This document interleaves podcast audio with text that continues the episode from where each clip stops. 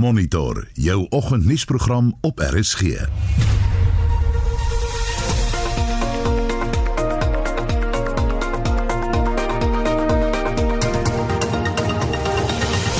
In vanoggend se program Vrystaat Landbou sê die nuwe voorgestelde onteieningswetsontwerp teiken alle bates van Suid-Afrikaanse burgers. 'n Ekonom ontleed die jongste indiensnemingsstatistieke deur Statistieke SA.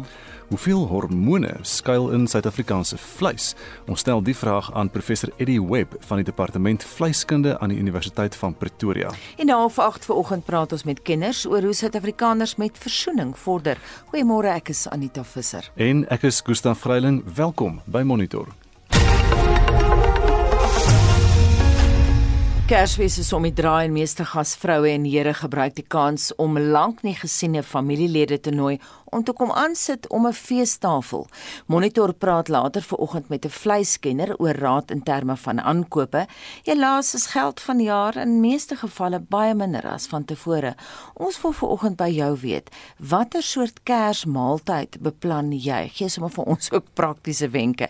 En dwing jou geld sake jou om uit die kassie te dink. Stuur 'n SMS na 45889, dit kos R1.50 of gaan na facebook.com vorentoe skynstreep ZRC of WhatsApp vir ons stemnota na 076 536 6961 076 536 6961 61. Dis nou 13 minute oor 6 uur by Monitor op RSG en die Renosterberg munisipaliteit wat insluit die Noord-Kaapse dorpe Petruswil en Van der Kloof is na 'n tussenverkiesing op 11 November weer stewig onder ANC beheer. Terwyl dienste traag is, dis volgens die Belastingbetalersvereniging se voorsitter, Lendi Jager. Nou intussen sê Andrei Vlok, die regsverteenwoordiger van die munisipale bestuurder Morney Hoogbaard, wat in November deur die administrateur Themba Loko geskort is dat dit onwettig was. Kortweg kom meneer Hoogwaarts argument daarop neer dat die beweerde opskortings is onwettig geweest as gevolg van 'n hele klomp redes en tweedens selfs in terme van die munisipaliteit se eie interne dissiplinêre reëls is daar alweer 'n maand wat verbygegaan het sonder dat hy aangeklaar is sonder dat die sogenaamde ondersoek teen meneer Hoogwaard dan nou 'n tree vooruit toe gegaan het. Meneer Hoogwaard sê dit alles onderstreep maar net weer eens die feit dat hierdie 'n politieke speelbal is. Dit hy wat meneer Hoogwaard is bloot gebruik word vir politieke redes. En meneer Hoogwaard is aangestel vir baie spesifieke doel om na die ongelukkige geskiedenis van hierdie munisipaliteit te kyk na die mense En dit is wat hy gaan doen. Hy gaan nie dat volgens soos die reën sit vas staan nie. Wat gebeur nou? Hy is besig om te werk soos wat ons gesê het. Kliphard aan die werk met 'n gewone dagtaak. In sy nuusverklaring sê hy aan meneer Lokko: "Betaal salarisse volledig. Betaal die rekeninge. Bestuur die kontantvloei. Herstel die ooreenkoms met Eskom. Betaal Eskom. Maak die watergehalte kwessie reg." Hy sê dit vir Lokko, maar hy's aan diens. So wat doen hy?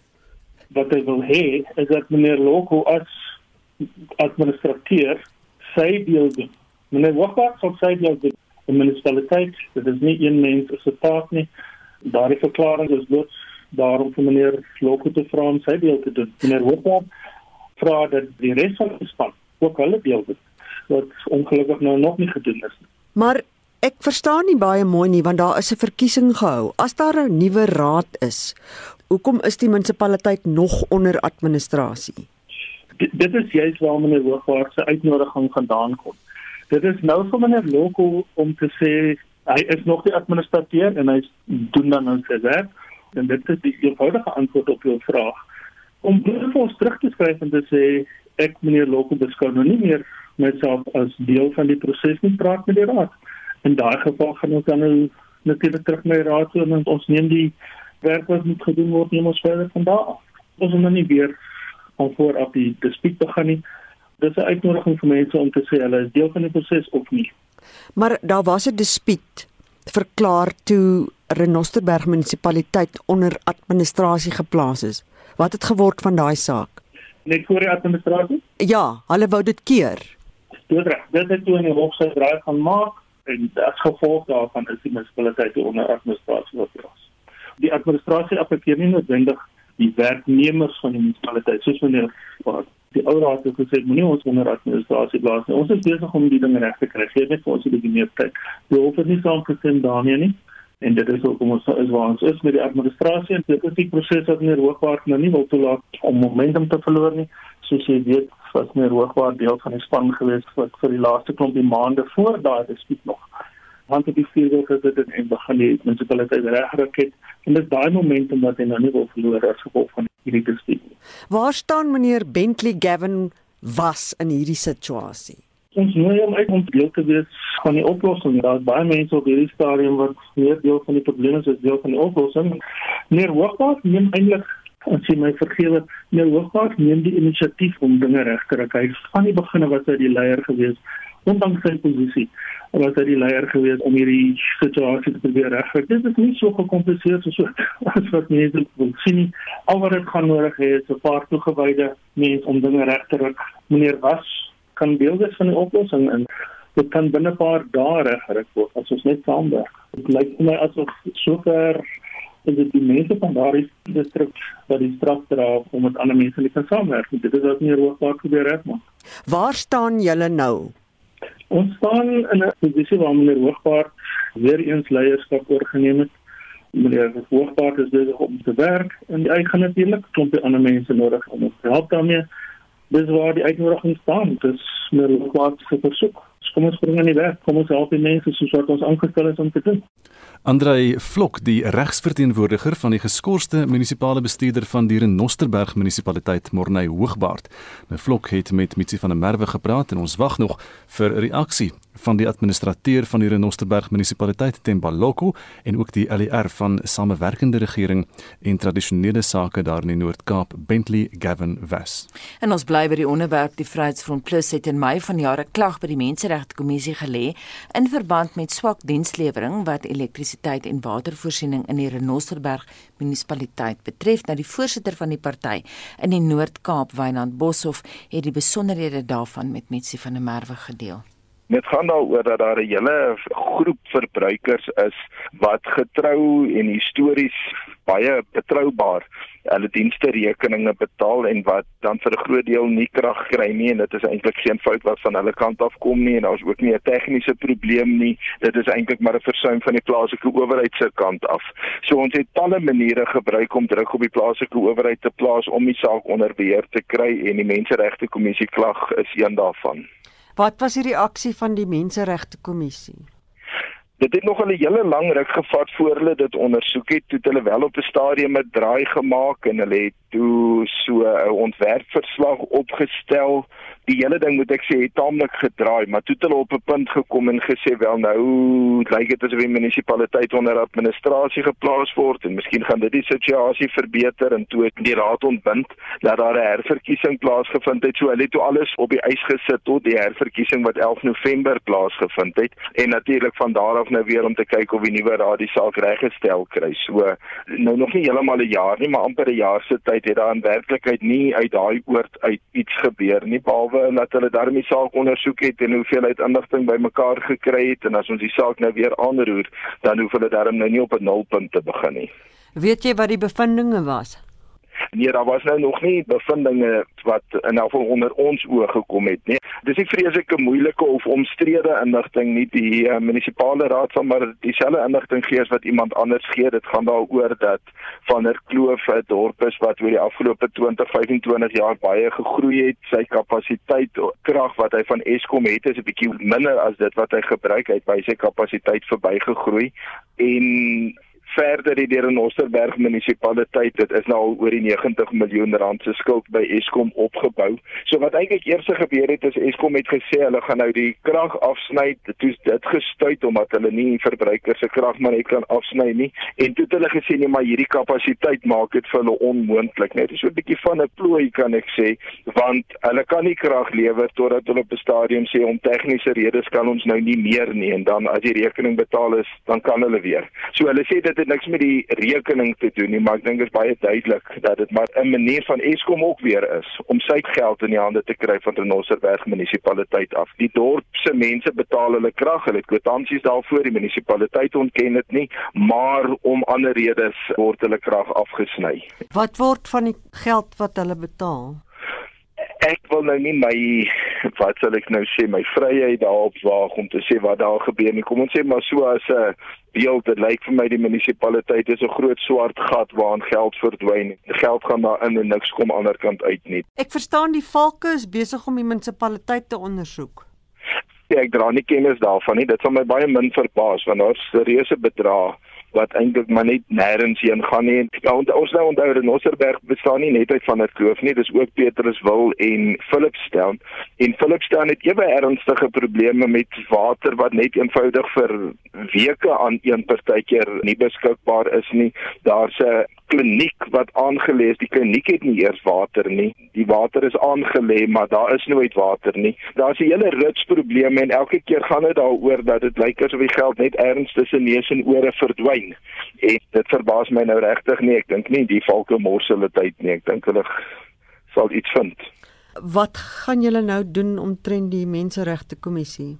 Wel ons hou nou maar ons vingers op al die knoppies wat ons het. Ons het al weer die menseregte kommissie in kennis gestel dat niks verbeter het nie. Inteendeel dat daar nou weer dreigemente is.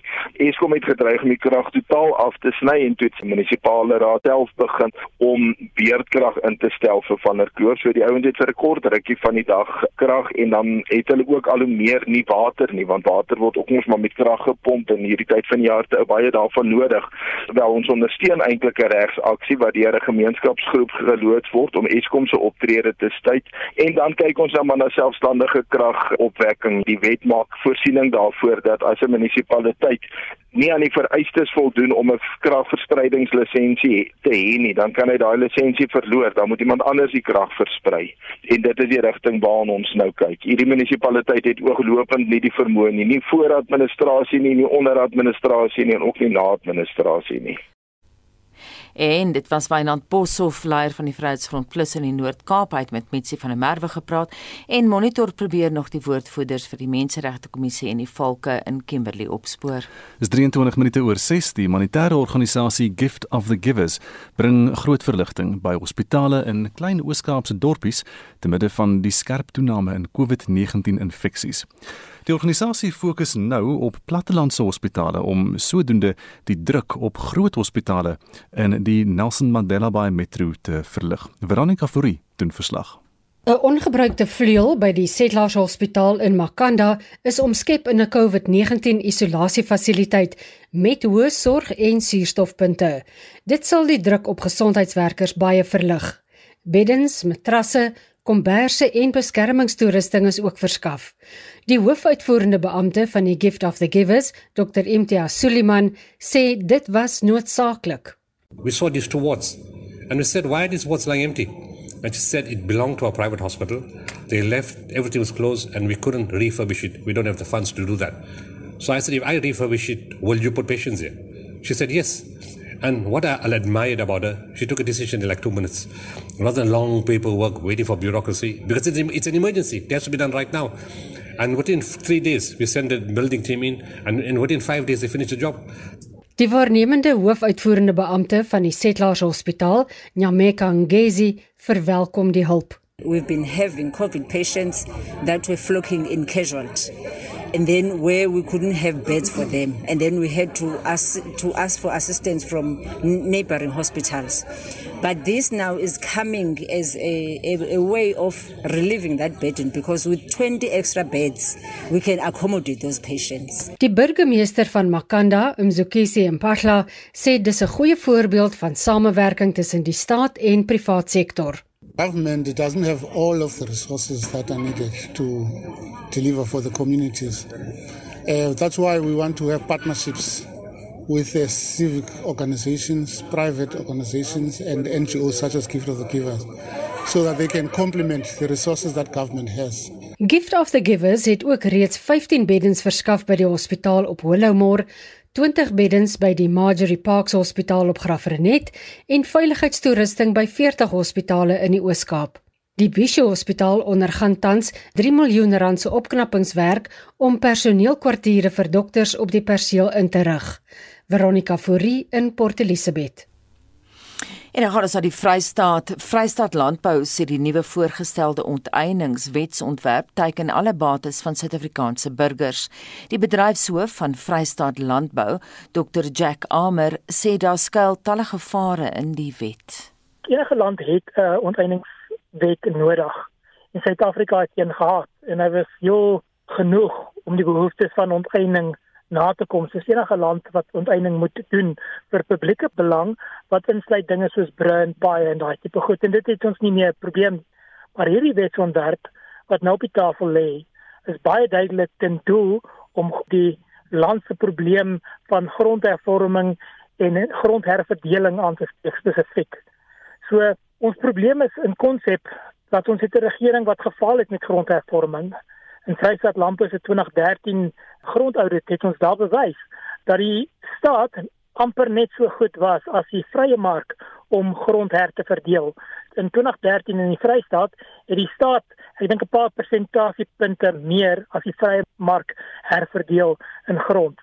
So die staat het geval in grondhervorming. Nou wil hulle nog erger wetgewing te tafel lê om grondhervorming aan te spoedig en dis duidelik die hele intensie met hierdie wetgewing.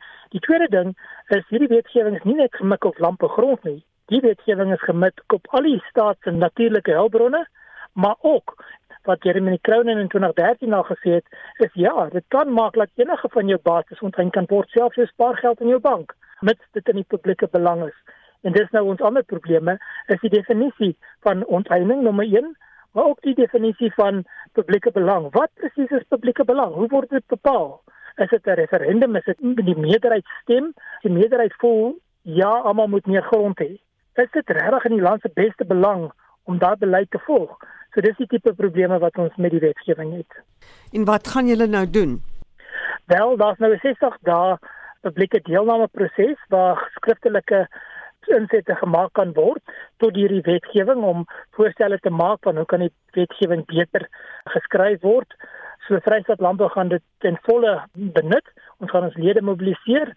Ons het 'n petisie op ons webtuiste wat lede en die algemene publiek want dit is nie net landbougrond nie, dis enige eiendom, privaat eiendom wat onderin kan word. So ons nooi die privaat publiek ook uit om op ons webtuiste te kom registreer en saam met Vryheid Landbou se standpunte teen hierdie wetgewing die huidige wetsontwerp soos wat hy staan heeltemal te verwerp. Verder is ons besig met AgriSA op 'n nasionale vlak en hulle topregspan wat van 2008 al op hierdie goed werk op hierdie onteieningswetsontwerp om 'n deeglike volledige verslag in te dien en ons sal inset as Vryheid Landbou ook op daai finale verslag opmaak en dan na die 60 dae periode wat 10 Februarie dan eindig, gaan hulle begin weer met 'n uh, openbare verhore proses waar ons definitief ons siening ook daar sal lig. So ons sal alles doen binne die demokratiese proses van samewerkende regering om deel te neem in hierdie hele proses om hierdie wetgewing te stop of daarom die bewoording wat vir ons glad nie gemaklik is nie baie duidelik uit te klaar. En so beloof Jack Amer bedryfshoof van Vrystaat Landbou het met Mitsi van der Merwe gesels en daardie onderhoud bring ons by 6:30. Jy luister na Monitor elke weekoggend tussen 6 en 8. Die hoofnuus, die DA het die regering tot vanmiddag om 5 kans gegee om die sluiting van strande aan die tuinroete van vandag tot 3 Januarie te regverdig. Die nasionale vervolgingsgesag het bevestig dat die hoof van 'n hoofstuk 9 instelling vervolging in die gesig staar. En Gift of the Givers verskaf kampbeddens aan talle hospitale in die Oos-Kaap om die druk op hospitale in die Nelson Mandela Bay Metro te probeer verlig. Bly by ons. En ons gaan na die sportveld met Shaun Jooste. Ons begin met netbalnuus. Die Protea afrigter, Dorrit Badenhorst, het haar span vir volgende maand se toetsreeks teen Uganda aangekondig. Bekendes soos Lenies Potgieter, Ina Marie Venter, Izet Griesel en Carla Pretorius is in die span genoem en Bongiwe Msomi is die kaptein. Die toetsreeks vind tussen 20 en 27 Januarie 2021 in Kaapstad plaas. Netbal Suid-Afrika het ook aangekondig dat 'n presidents-12tal ons nasionale onder 21 span en Namibië ook in die reeks betrokke sal wees. Die 12tal word deur Jenny van Duyk afgerig. Kriket. Die Sri Lankaanse veelsidige speler Angelo Matthews gaan die toetsreeks in Suid-Afrika misloop nadat hy 'n duispierbesering in hulle plaaslike T20 toernooi opgedoen het. Die eerste van twee toetse teen Suid-Afrika slaan op 26 Desember op Supersport Park in Centurion af. Die internasionale kriketraad het die datums en tye vir die 2022 vroue eendag wêreldbeker toernooi bekend gemaak. Ons vroue span begin hulle veldtog op 5 Maart teen 'n span wat later bevestig sal word. Die toernooi van 31 wedstryde word tussen 4 Maart en 3 April 2022 in Nieu-Seeland gehou en bestaan uit 8 spanne. In die plaaslike 4-dagreeks se 5de ronde na dag 3 staan die Lions op 43 vir 2 in hulle tweede beurt teen die Knights in Bloemfontein en moet nog 167 aanteken om die tuisspan weer te laat kolf. Die Cobras staan op 82 vir 3 in hulle tweede beurt teen die Warriors in Port Elizabeth en kort nog 183 om die wedstryd te wen. Kom ons kyk na 'n paar sokker uitslae. In die DStv Premier Liga was die telling 2-0 vir Morocco Swallows teen Maritzburg United en Mamelodi Sundowns teen TS Galaxy. SuperSport United het 2-1 teen Kaizer Chiefs geseëvier en Stellenbosch FC het 2-1 teen Cape Town City verloor. Van die ander tellings was in die Engelse Premier Liga Manchester City 1 West Brom 1 Wolves 2 Chelsea 1 in Spanje Real Madrid 3 Athletic Bilbao 1 en dan in Duitsland Eintracht Frankfurt 3 Borussia Mönchengladbach 3 en Werder Bremen 1 Borussia Dortmund 2. Ons sluit af met tennisnuus. Die wêreldnommer 2 van Spanje, Rafael Nadal, het gister bevestig dat hy aan volgende jaar se Australiese Ope gaan deelneem. Die datum vir die Ope is nog nie bevestig nie, maar daar word verwag dat die toernooi op 8 Februarie sal afslaan. Nadal het reeds 20 Grand Slam titels agter sy naam en kan die alleenhouer van die rekord vir die meeste Grand Slams word indien hy 'n tweede titel in Melbourne kan inpalm. Shaun Schuster, SAK Sport. Die volgende storie is die jongste kwartaalverslag oor indiensnemingsstatistiek deur Statistieke SA toon dat indiensneming met 0,8% tot meer as 9 miljoen in die derde kwartaal gestyg het. Dis die gevolg van 'n toename in handel, gemeenskapsdienste, konstruksie en vervaardiging terwyl daar 'n afname in sakedienste, vervoer en mynbou was. En daaroor praat ons nou met 'n vernoot en hoofekonoom by PwC of PwC Lulu Lulu Kriel. Lulu, goeiemôre. Goeiemôre. Wat meet jy uh, as jy op 'n volgende kwartaale dan met mekaar vergelyk? Wel, ek dink die belangrikste waarna ons nou kyk op hierdie stadium is wat gebeur het tussen die tweede en die derde kwartaal van hierdie jaar. Ehm um, in die tweede kwartaal weet ons ons was in 'n baie ehm um, sterk ehm um, tydperk van uh, wat die ekonomie toe was, ehm um, wat ons nie kon werk toe gaan nie, baie persone kon nie werk toe gaan nie glad nie. En in die derde kwartaal het die ekonomie begin oopmaak en het ons mense gehad wat kon teruggaan werk toe. So die belangrikste verskil tussen die tweede en die derde kwartaal hierdie jaar natuurlik is om te gaan kyk na wat het gebeur met indiensname uh nadat mense toegelaat is of meer mense toegelaat is om terug te gaan werk het. En soos ons nou gehoor het, daar was daar was 'n effense toename in in die getalle van mense wat terug gegaan het werk toe. Ehm um, as ons egter na uh verlede jaar dieselfde tyd kyk, is dit 'n ander is dit 'n ander storie. Lule ook baie lank baie belangrik om 'n onderskeid te tref tussen uh in diensneming wat voltyds is en die wat nie is nie. Kan jy vir ons daar 'n bietjie belig? Absoluut. Ehm um, ek dink wat baie belangrik is is dat ons nog steeds met baie groot getalle van mense sit in Suid-Afrika wat uh wat nie voltyds in diens is nie, wat voltyds in diens kan wees in sommige gevalle en wat in sommige gevalle besluit het om nie voltyds in diens te wees nie. As jy natuurlik besluit het om nie voltyds in diens te wees nie, is dit 'n ander situasie, maar weer eens groot getalle van, van mense wat beskikbaar is om vir langer ure te werk en uh en en voltyds kom ons sê wat gemiddeld omtrent 40 ure week is uh by 'n plek te werk maar nie op hierdie stadium in staat is om dit te doen nie en wat vir korte tye in diens is of wat uh, op 'n op 'n kontrakbasis in diens is. Ehm um, dis natuurlik makliker om iemand wat in 'n op 'n kontrakbasis is ehm um, van ons later raak, maar ehm um, as ons as ons ook gaan kyk na die na die Amerikaanse ekonomie ehm um, waar sogenaamde voltydse indiensname baie laer is as in Suid-Afrika, um, maar totale indiensname natuurlik baie hoër. Ehm um, sien ons dat dit nie altyd 'n slegte ding is om mense uh eerder op 'n kontrakbasis in diens te neem nie.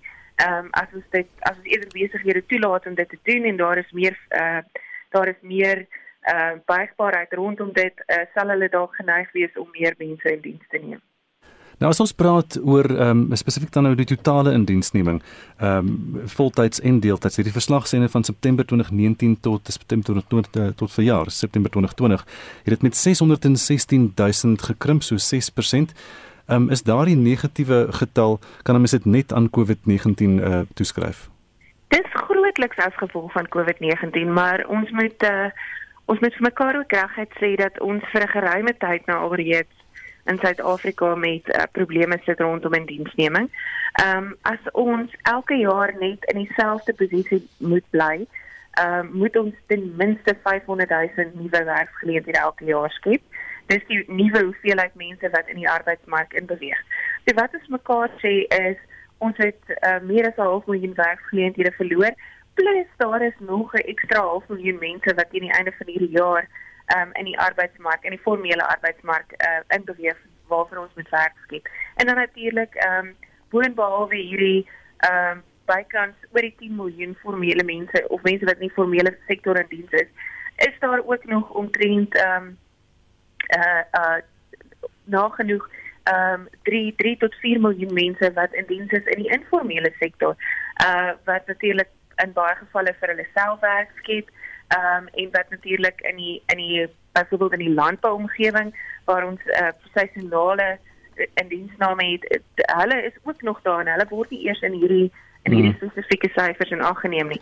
So ehm um, die die waarheid is dat ja, ons het in ehm um, in 2020 as gevolg van COVID-19 'n uh, baie baie groot getal, omtrent 'n half miljoen mense uh verloor of werkgeleenthede verloor ekskuus tussen die eerste en die en die of tussen die tweede en die derde kwartaal en ek glo nie dat ons teen die einde van die jaar eers naaste by uh die die totale hoeveelheid van hulle of eers ehm um, enigiets naby dit gaan opgemaak hê nie.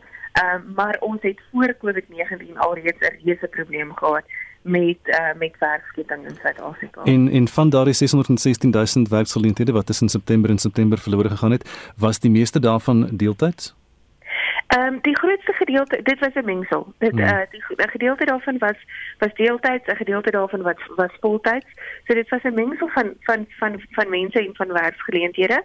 Ehm um, maar ons het gesien dat die dat die gewig so klein bietjie swaarder leen eh uh, na persone wat deeltyds in diens was. Jy het nou gesê dat die totale indiensneming van September 2019 tot September 2020 met -6,0% gekrimp het. Dis 'n negatiewe getal. Verduidelik net bietjie vir ons wat nie ekonome is nie. So, ehm um, as ons gaan kyk na ehm um, die tendens van die begin van die jaar af, kom ons sê van die eerste kwartaal af, ehm um, het ons in die eerste kwartaal 'n uh, getal mense in diens gehad. Ehm um, in die tweede kwartaal as gevolg van uh die uh COVID-19 en en die besluite wat rondom dit geneem is en en heel wat mense wat nie wat glad nie kon werk toe gaan nie. Um het daar mense hulle werk verloor. Um in die derde kwartaal kon daar mense weer terug gaan werk toe. So uh van hulle het hulle werk uh bygekry. So as ons kyk na die tendens uh vir die jaar vir die tweede en die derde kwartaal um lyk dit asof daar 'n toename in werkgeleenthede was. Maar as ons na dieselfde tydperk verlede jaar gaan kyk, um September 2019 ja. en en hoeveelheid mense wat op daardie stadium in diens was in vergelyking met hierdie jaar. Ehm um, sien ons dat daar 'n redelike drastiese afname was. So ons sien 'n baie groter afname as wat ons byvoorbeeld sou sien wanneer ons net kyk ehm um, wanneer ons kyk na die tweede en in die derde kwartaal uh, wat dit natuurlik lyk na na 'n uh, toename in werksgeleenthede. So uh, dit dit gee vir ons 'n beter prentjie en 'n beter verstaan ehm um, wat die afgelope jaar gebeur het met indiensneming ehm um, in in die verskillende sektore in die, in die ekonomie tussen hierdie twee punte. En en ehm um, ek dink as persoonlik, dis hmm. dis baie interessant om te kyk na wat tussen die tweede en die derde kwartaal gebeur het, maar persoonlik ehm um, die werklikheid sit sit in 'n vergelyking tussen hierdie jaar en verlede jaar uh, dieselfde tydperk. Um, want dit was 'n tydperk voor COVID-19 ja. en 'n tydperk in COVID-19. As mens uh, kyk nou uh, na die na wat hulle verdien het en die Britte verdienste aan werknemers het uh, van Junie 2020 uh, uh, met 5%, 5,5% tot uh, meer as 690 miljard rand in September toegeneem. So ja. uit watter sektore het hierdie uh, het hierdie stygings dan nou gekom? Wel, ehm um, die die grootste verandering het ons maar gesien is gedryf deur uh onder andere die ehm um, sogenaamde gemeenskapsdienste uh wat insluit ehm um, die regering en wat insluit uh byvoorbeeld uh sektore soos ehm um, soos soos dokters en verpleegsters en so aan en en dienste wat verskaf word rondom dit en die vervaardigingssektor. Dis tussen daardie twee sektore, maar daar's ook ander sektore ehm um, soos byvoorbeeld die, die handelssektor, beide kleinhandel en groothandel, ehm um, wat ons sien dat wat negatief beïnvloed is. Ehm um, en en wat 'n negatiewe ehm um, verandering gesien het in in hulle syfers in daardie tyd. Ehm um, so dit is nie werklik of of kom ons kom ons stel dit so, dis nie dwars deur die ekonomie alle sektore ehm um, wat positief beïnvloed is daardeur ehm um, dat die ekonomie meer oopgemaak het nie. Ehm um, die van hulle wat wel kon funksioneer in die tweede kwartaal en in die derde kwartaal in het gesien dat ehm um, of of het ons ongelukkig gesien dat daar werksverliese was ehm um, tussen die tweede en die derde kwartaal hierdie jaar. Lede net laasens jaar op jaar het bonus en oortydbetalings met uh, -20% tussen September 2019 en September vanjaar gekrimp. Wat beteken dit? Daar's 'n kombinasie daarin van mense wat hulle werk verloor het. Ehm um, ons het ons het reeds mos vir mekaar gesê dat daar omtrent 600 000 mense ehm um, minder is wat werk het as verlede jaar dieselfde tyd. So ehm um, dit dit is een van die groot faktore en dan die ander ehm um, natuurlik wat ons ook sien baie duidelik begin deurkom is dat baie maatskappye die besluit geneem het om of verhogings heeltemal uit te stel en te sê ons wag en ons kyk. Ehm um, ons weet in die privaat sektor veral is dit 'n faktor wat ons gesien het. Ehm um, ekskuus ons het nou gesien dat die ehm um, die staatsdiens het die die regering ehm um, hoef te gevat daaroor en wil dit nie so aanvaar nie, maar in die privaat Lyk my ons het Lulu daar verloor. Dit was Lulu Krugel, hoofekonoom by PwC Suid-Afrika. Dis nou 6:46. En met Kersfees om die draai sal baie Suid-Afrikaners 'n bout van een of ander vleissoort loop soek. 'n Rukkie gelede het 'n monitor gepraat met professor Eddie Webb van die departement vleiskunde aan die Universiteit van Pretoria oor die veiligheid al dan nie van Suid-Afrikaanse vleis. Tydens die onderhoud het Webb ons oortuig van die streng maatreëls wat vleisveiligheid verseker. Dit beteken die vleis is antibiotika vry. Maar wat van hormone? Hoeveel hormone skuil in ons vleis? Ons praat ver oggend weer met Eddie hieroor. Vir praktiese wenke ook as jy gaan vleis koop die Kersfees. Goeiemôre. Môre Anita. Eddie, uh, jy gaan met Gustaf ook ver oggend praat, maar net uh, as 'n eerste vraag van my kant af, hoe word rooi vleis in Suid-Afrika geproduseer? Uh, daar is weliswaar ehm, 'n verskeidenheid van stelsels en ek dink dit is wat baie van die onduidelikheid veroorsaak in die bedryf. 'n Rooi vleis word hoofsaaklik ekstensief op groot plase uh, geproduseer. Dit is natuurlik nou bees en skaap. Ehm um, terwyl pluimvee is baie intensief uh intensieve produksie. Die enigste wat wat regtig vir uitsondering is in die rooi vleisgroep is varke wat ook baie intensief geproduseer word.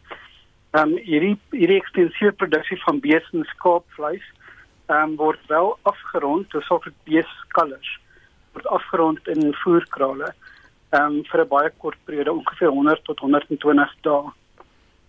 So so rooivisproduksie is 'n saaklike ekstensiewe besigheid.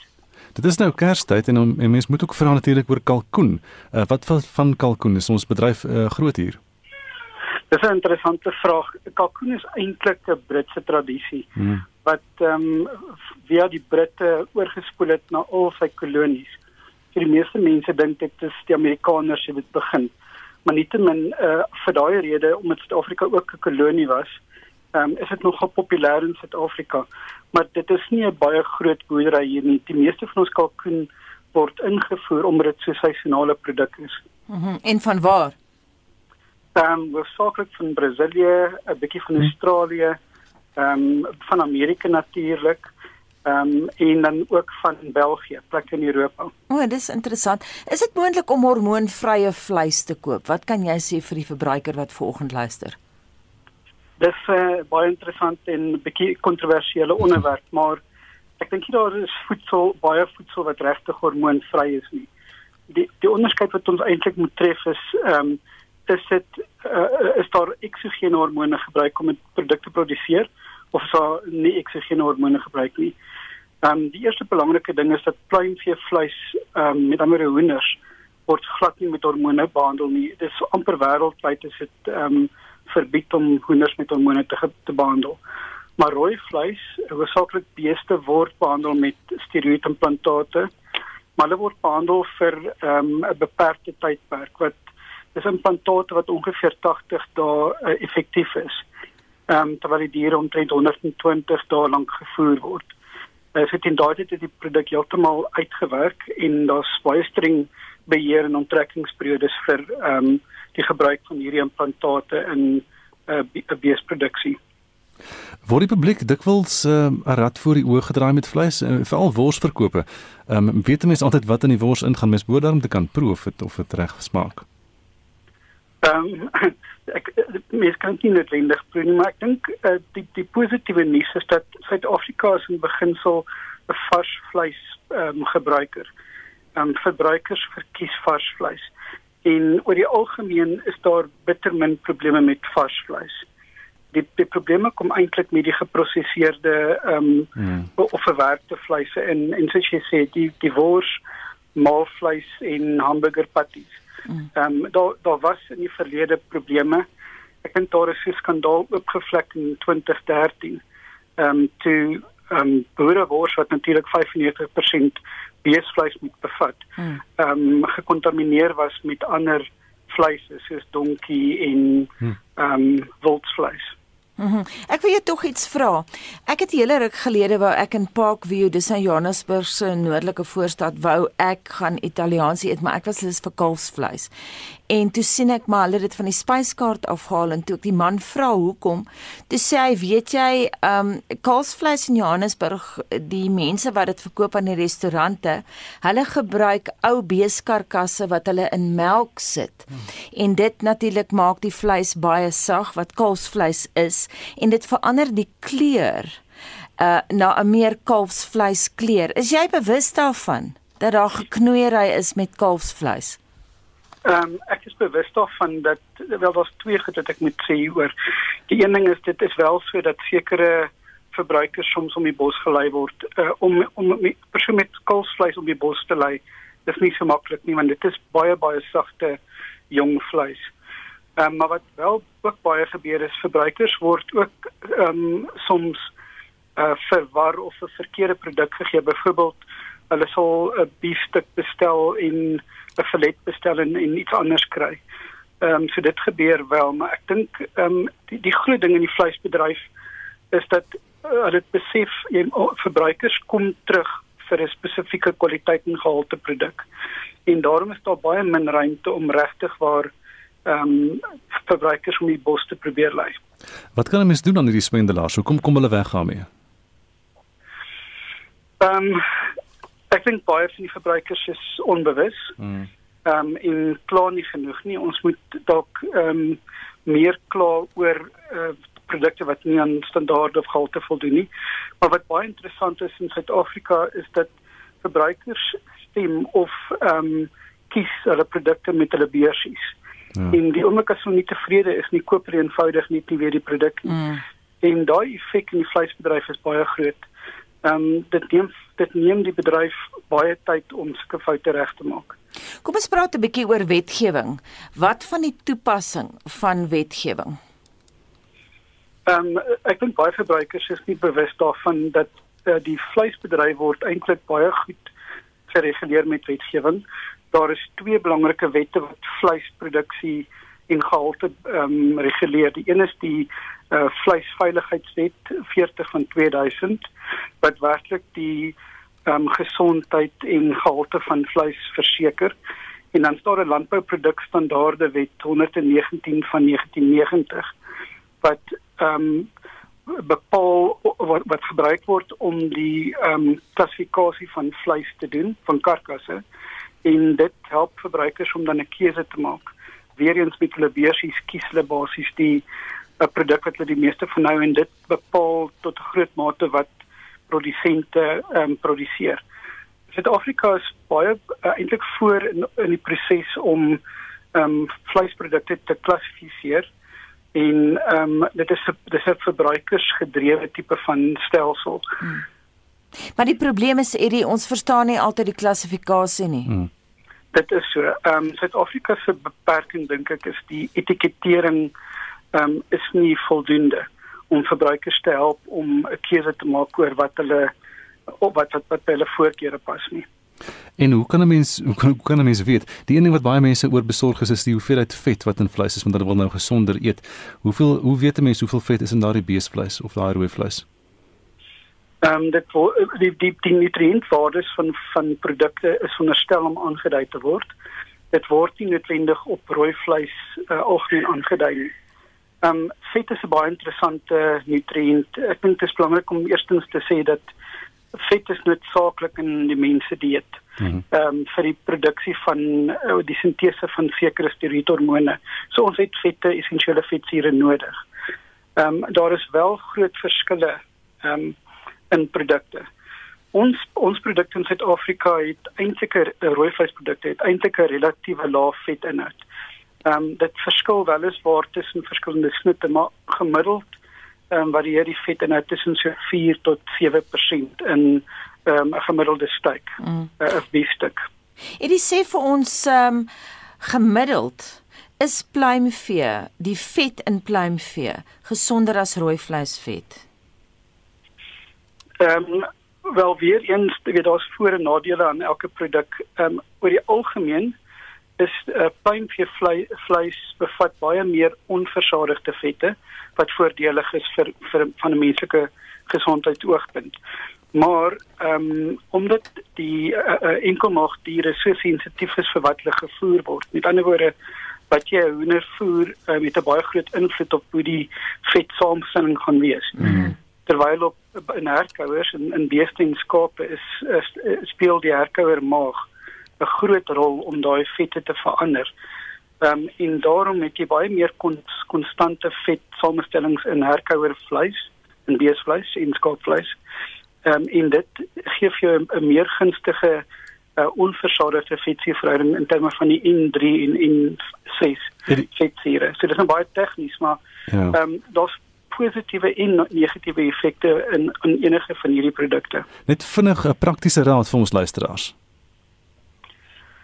Ehm um, praktiese raad, ek sou voorstel dat ehm um, verbruikers by ehm um, betroubare verskaffers van vleis hulle produkte koop volgens hulle keuse. Hmm. En um, in die tweede plek dink ek dit is belangrik dat ons nou begin om soos met enige ander kos of drank matigheid voor oë te hou.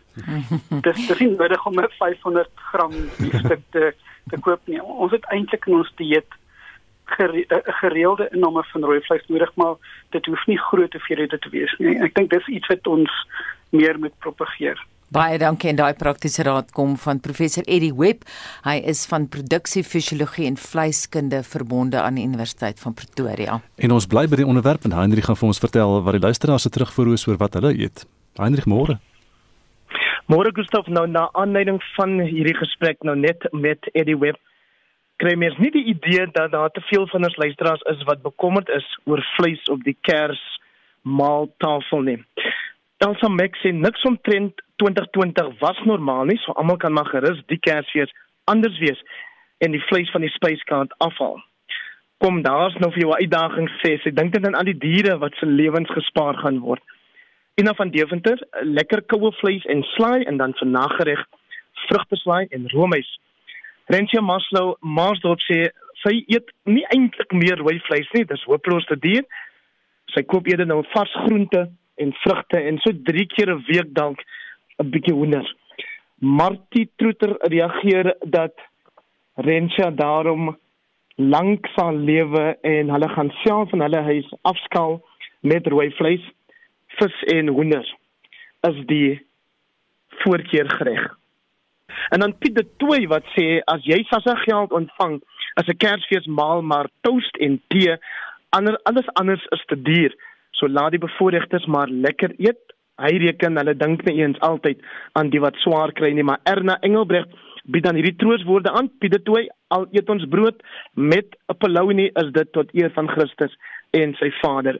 SMS vir ons by 4589 teen R1.50 per SMS of maak 'n draai op Facebook daar by Monitor en Spectrum se blad of stuur vir ons 'n WhatsApp stemnota na 076536 6961 dis 076 536 6961 Daar's goeie redes om ingeskakel te bly by Monitor want later in die program tussen 08:30 en 8:00 praat ons oor die stand van versoening in Suid-Afrika. Dit is 16 Desember, dit is Versoeningsdag en president Cyril Ramaphosa het in sy weeklikse brief aan die nasie gefokus op 16 Desember as Versoeningsdag. Ons praat met twee ontleeders, professor Farid Essak en professor Antoni van Nieuwkerk van Wits Universiteit oor die stand van versoening in Suid-Afrika. Bly dis ingeskakel en dit bring ons by die nuus.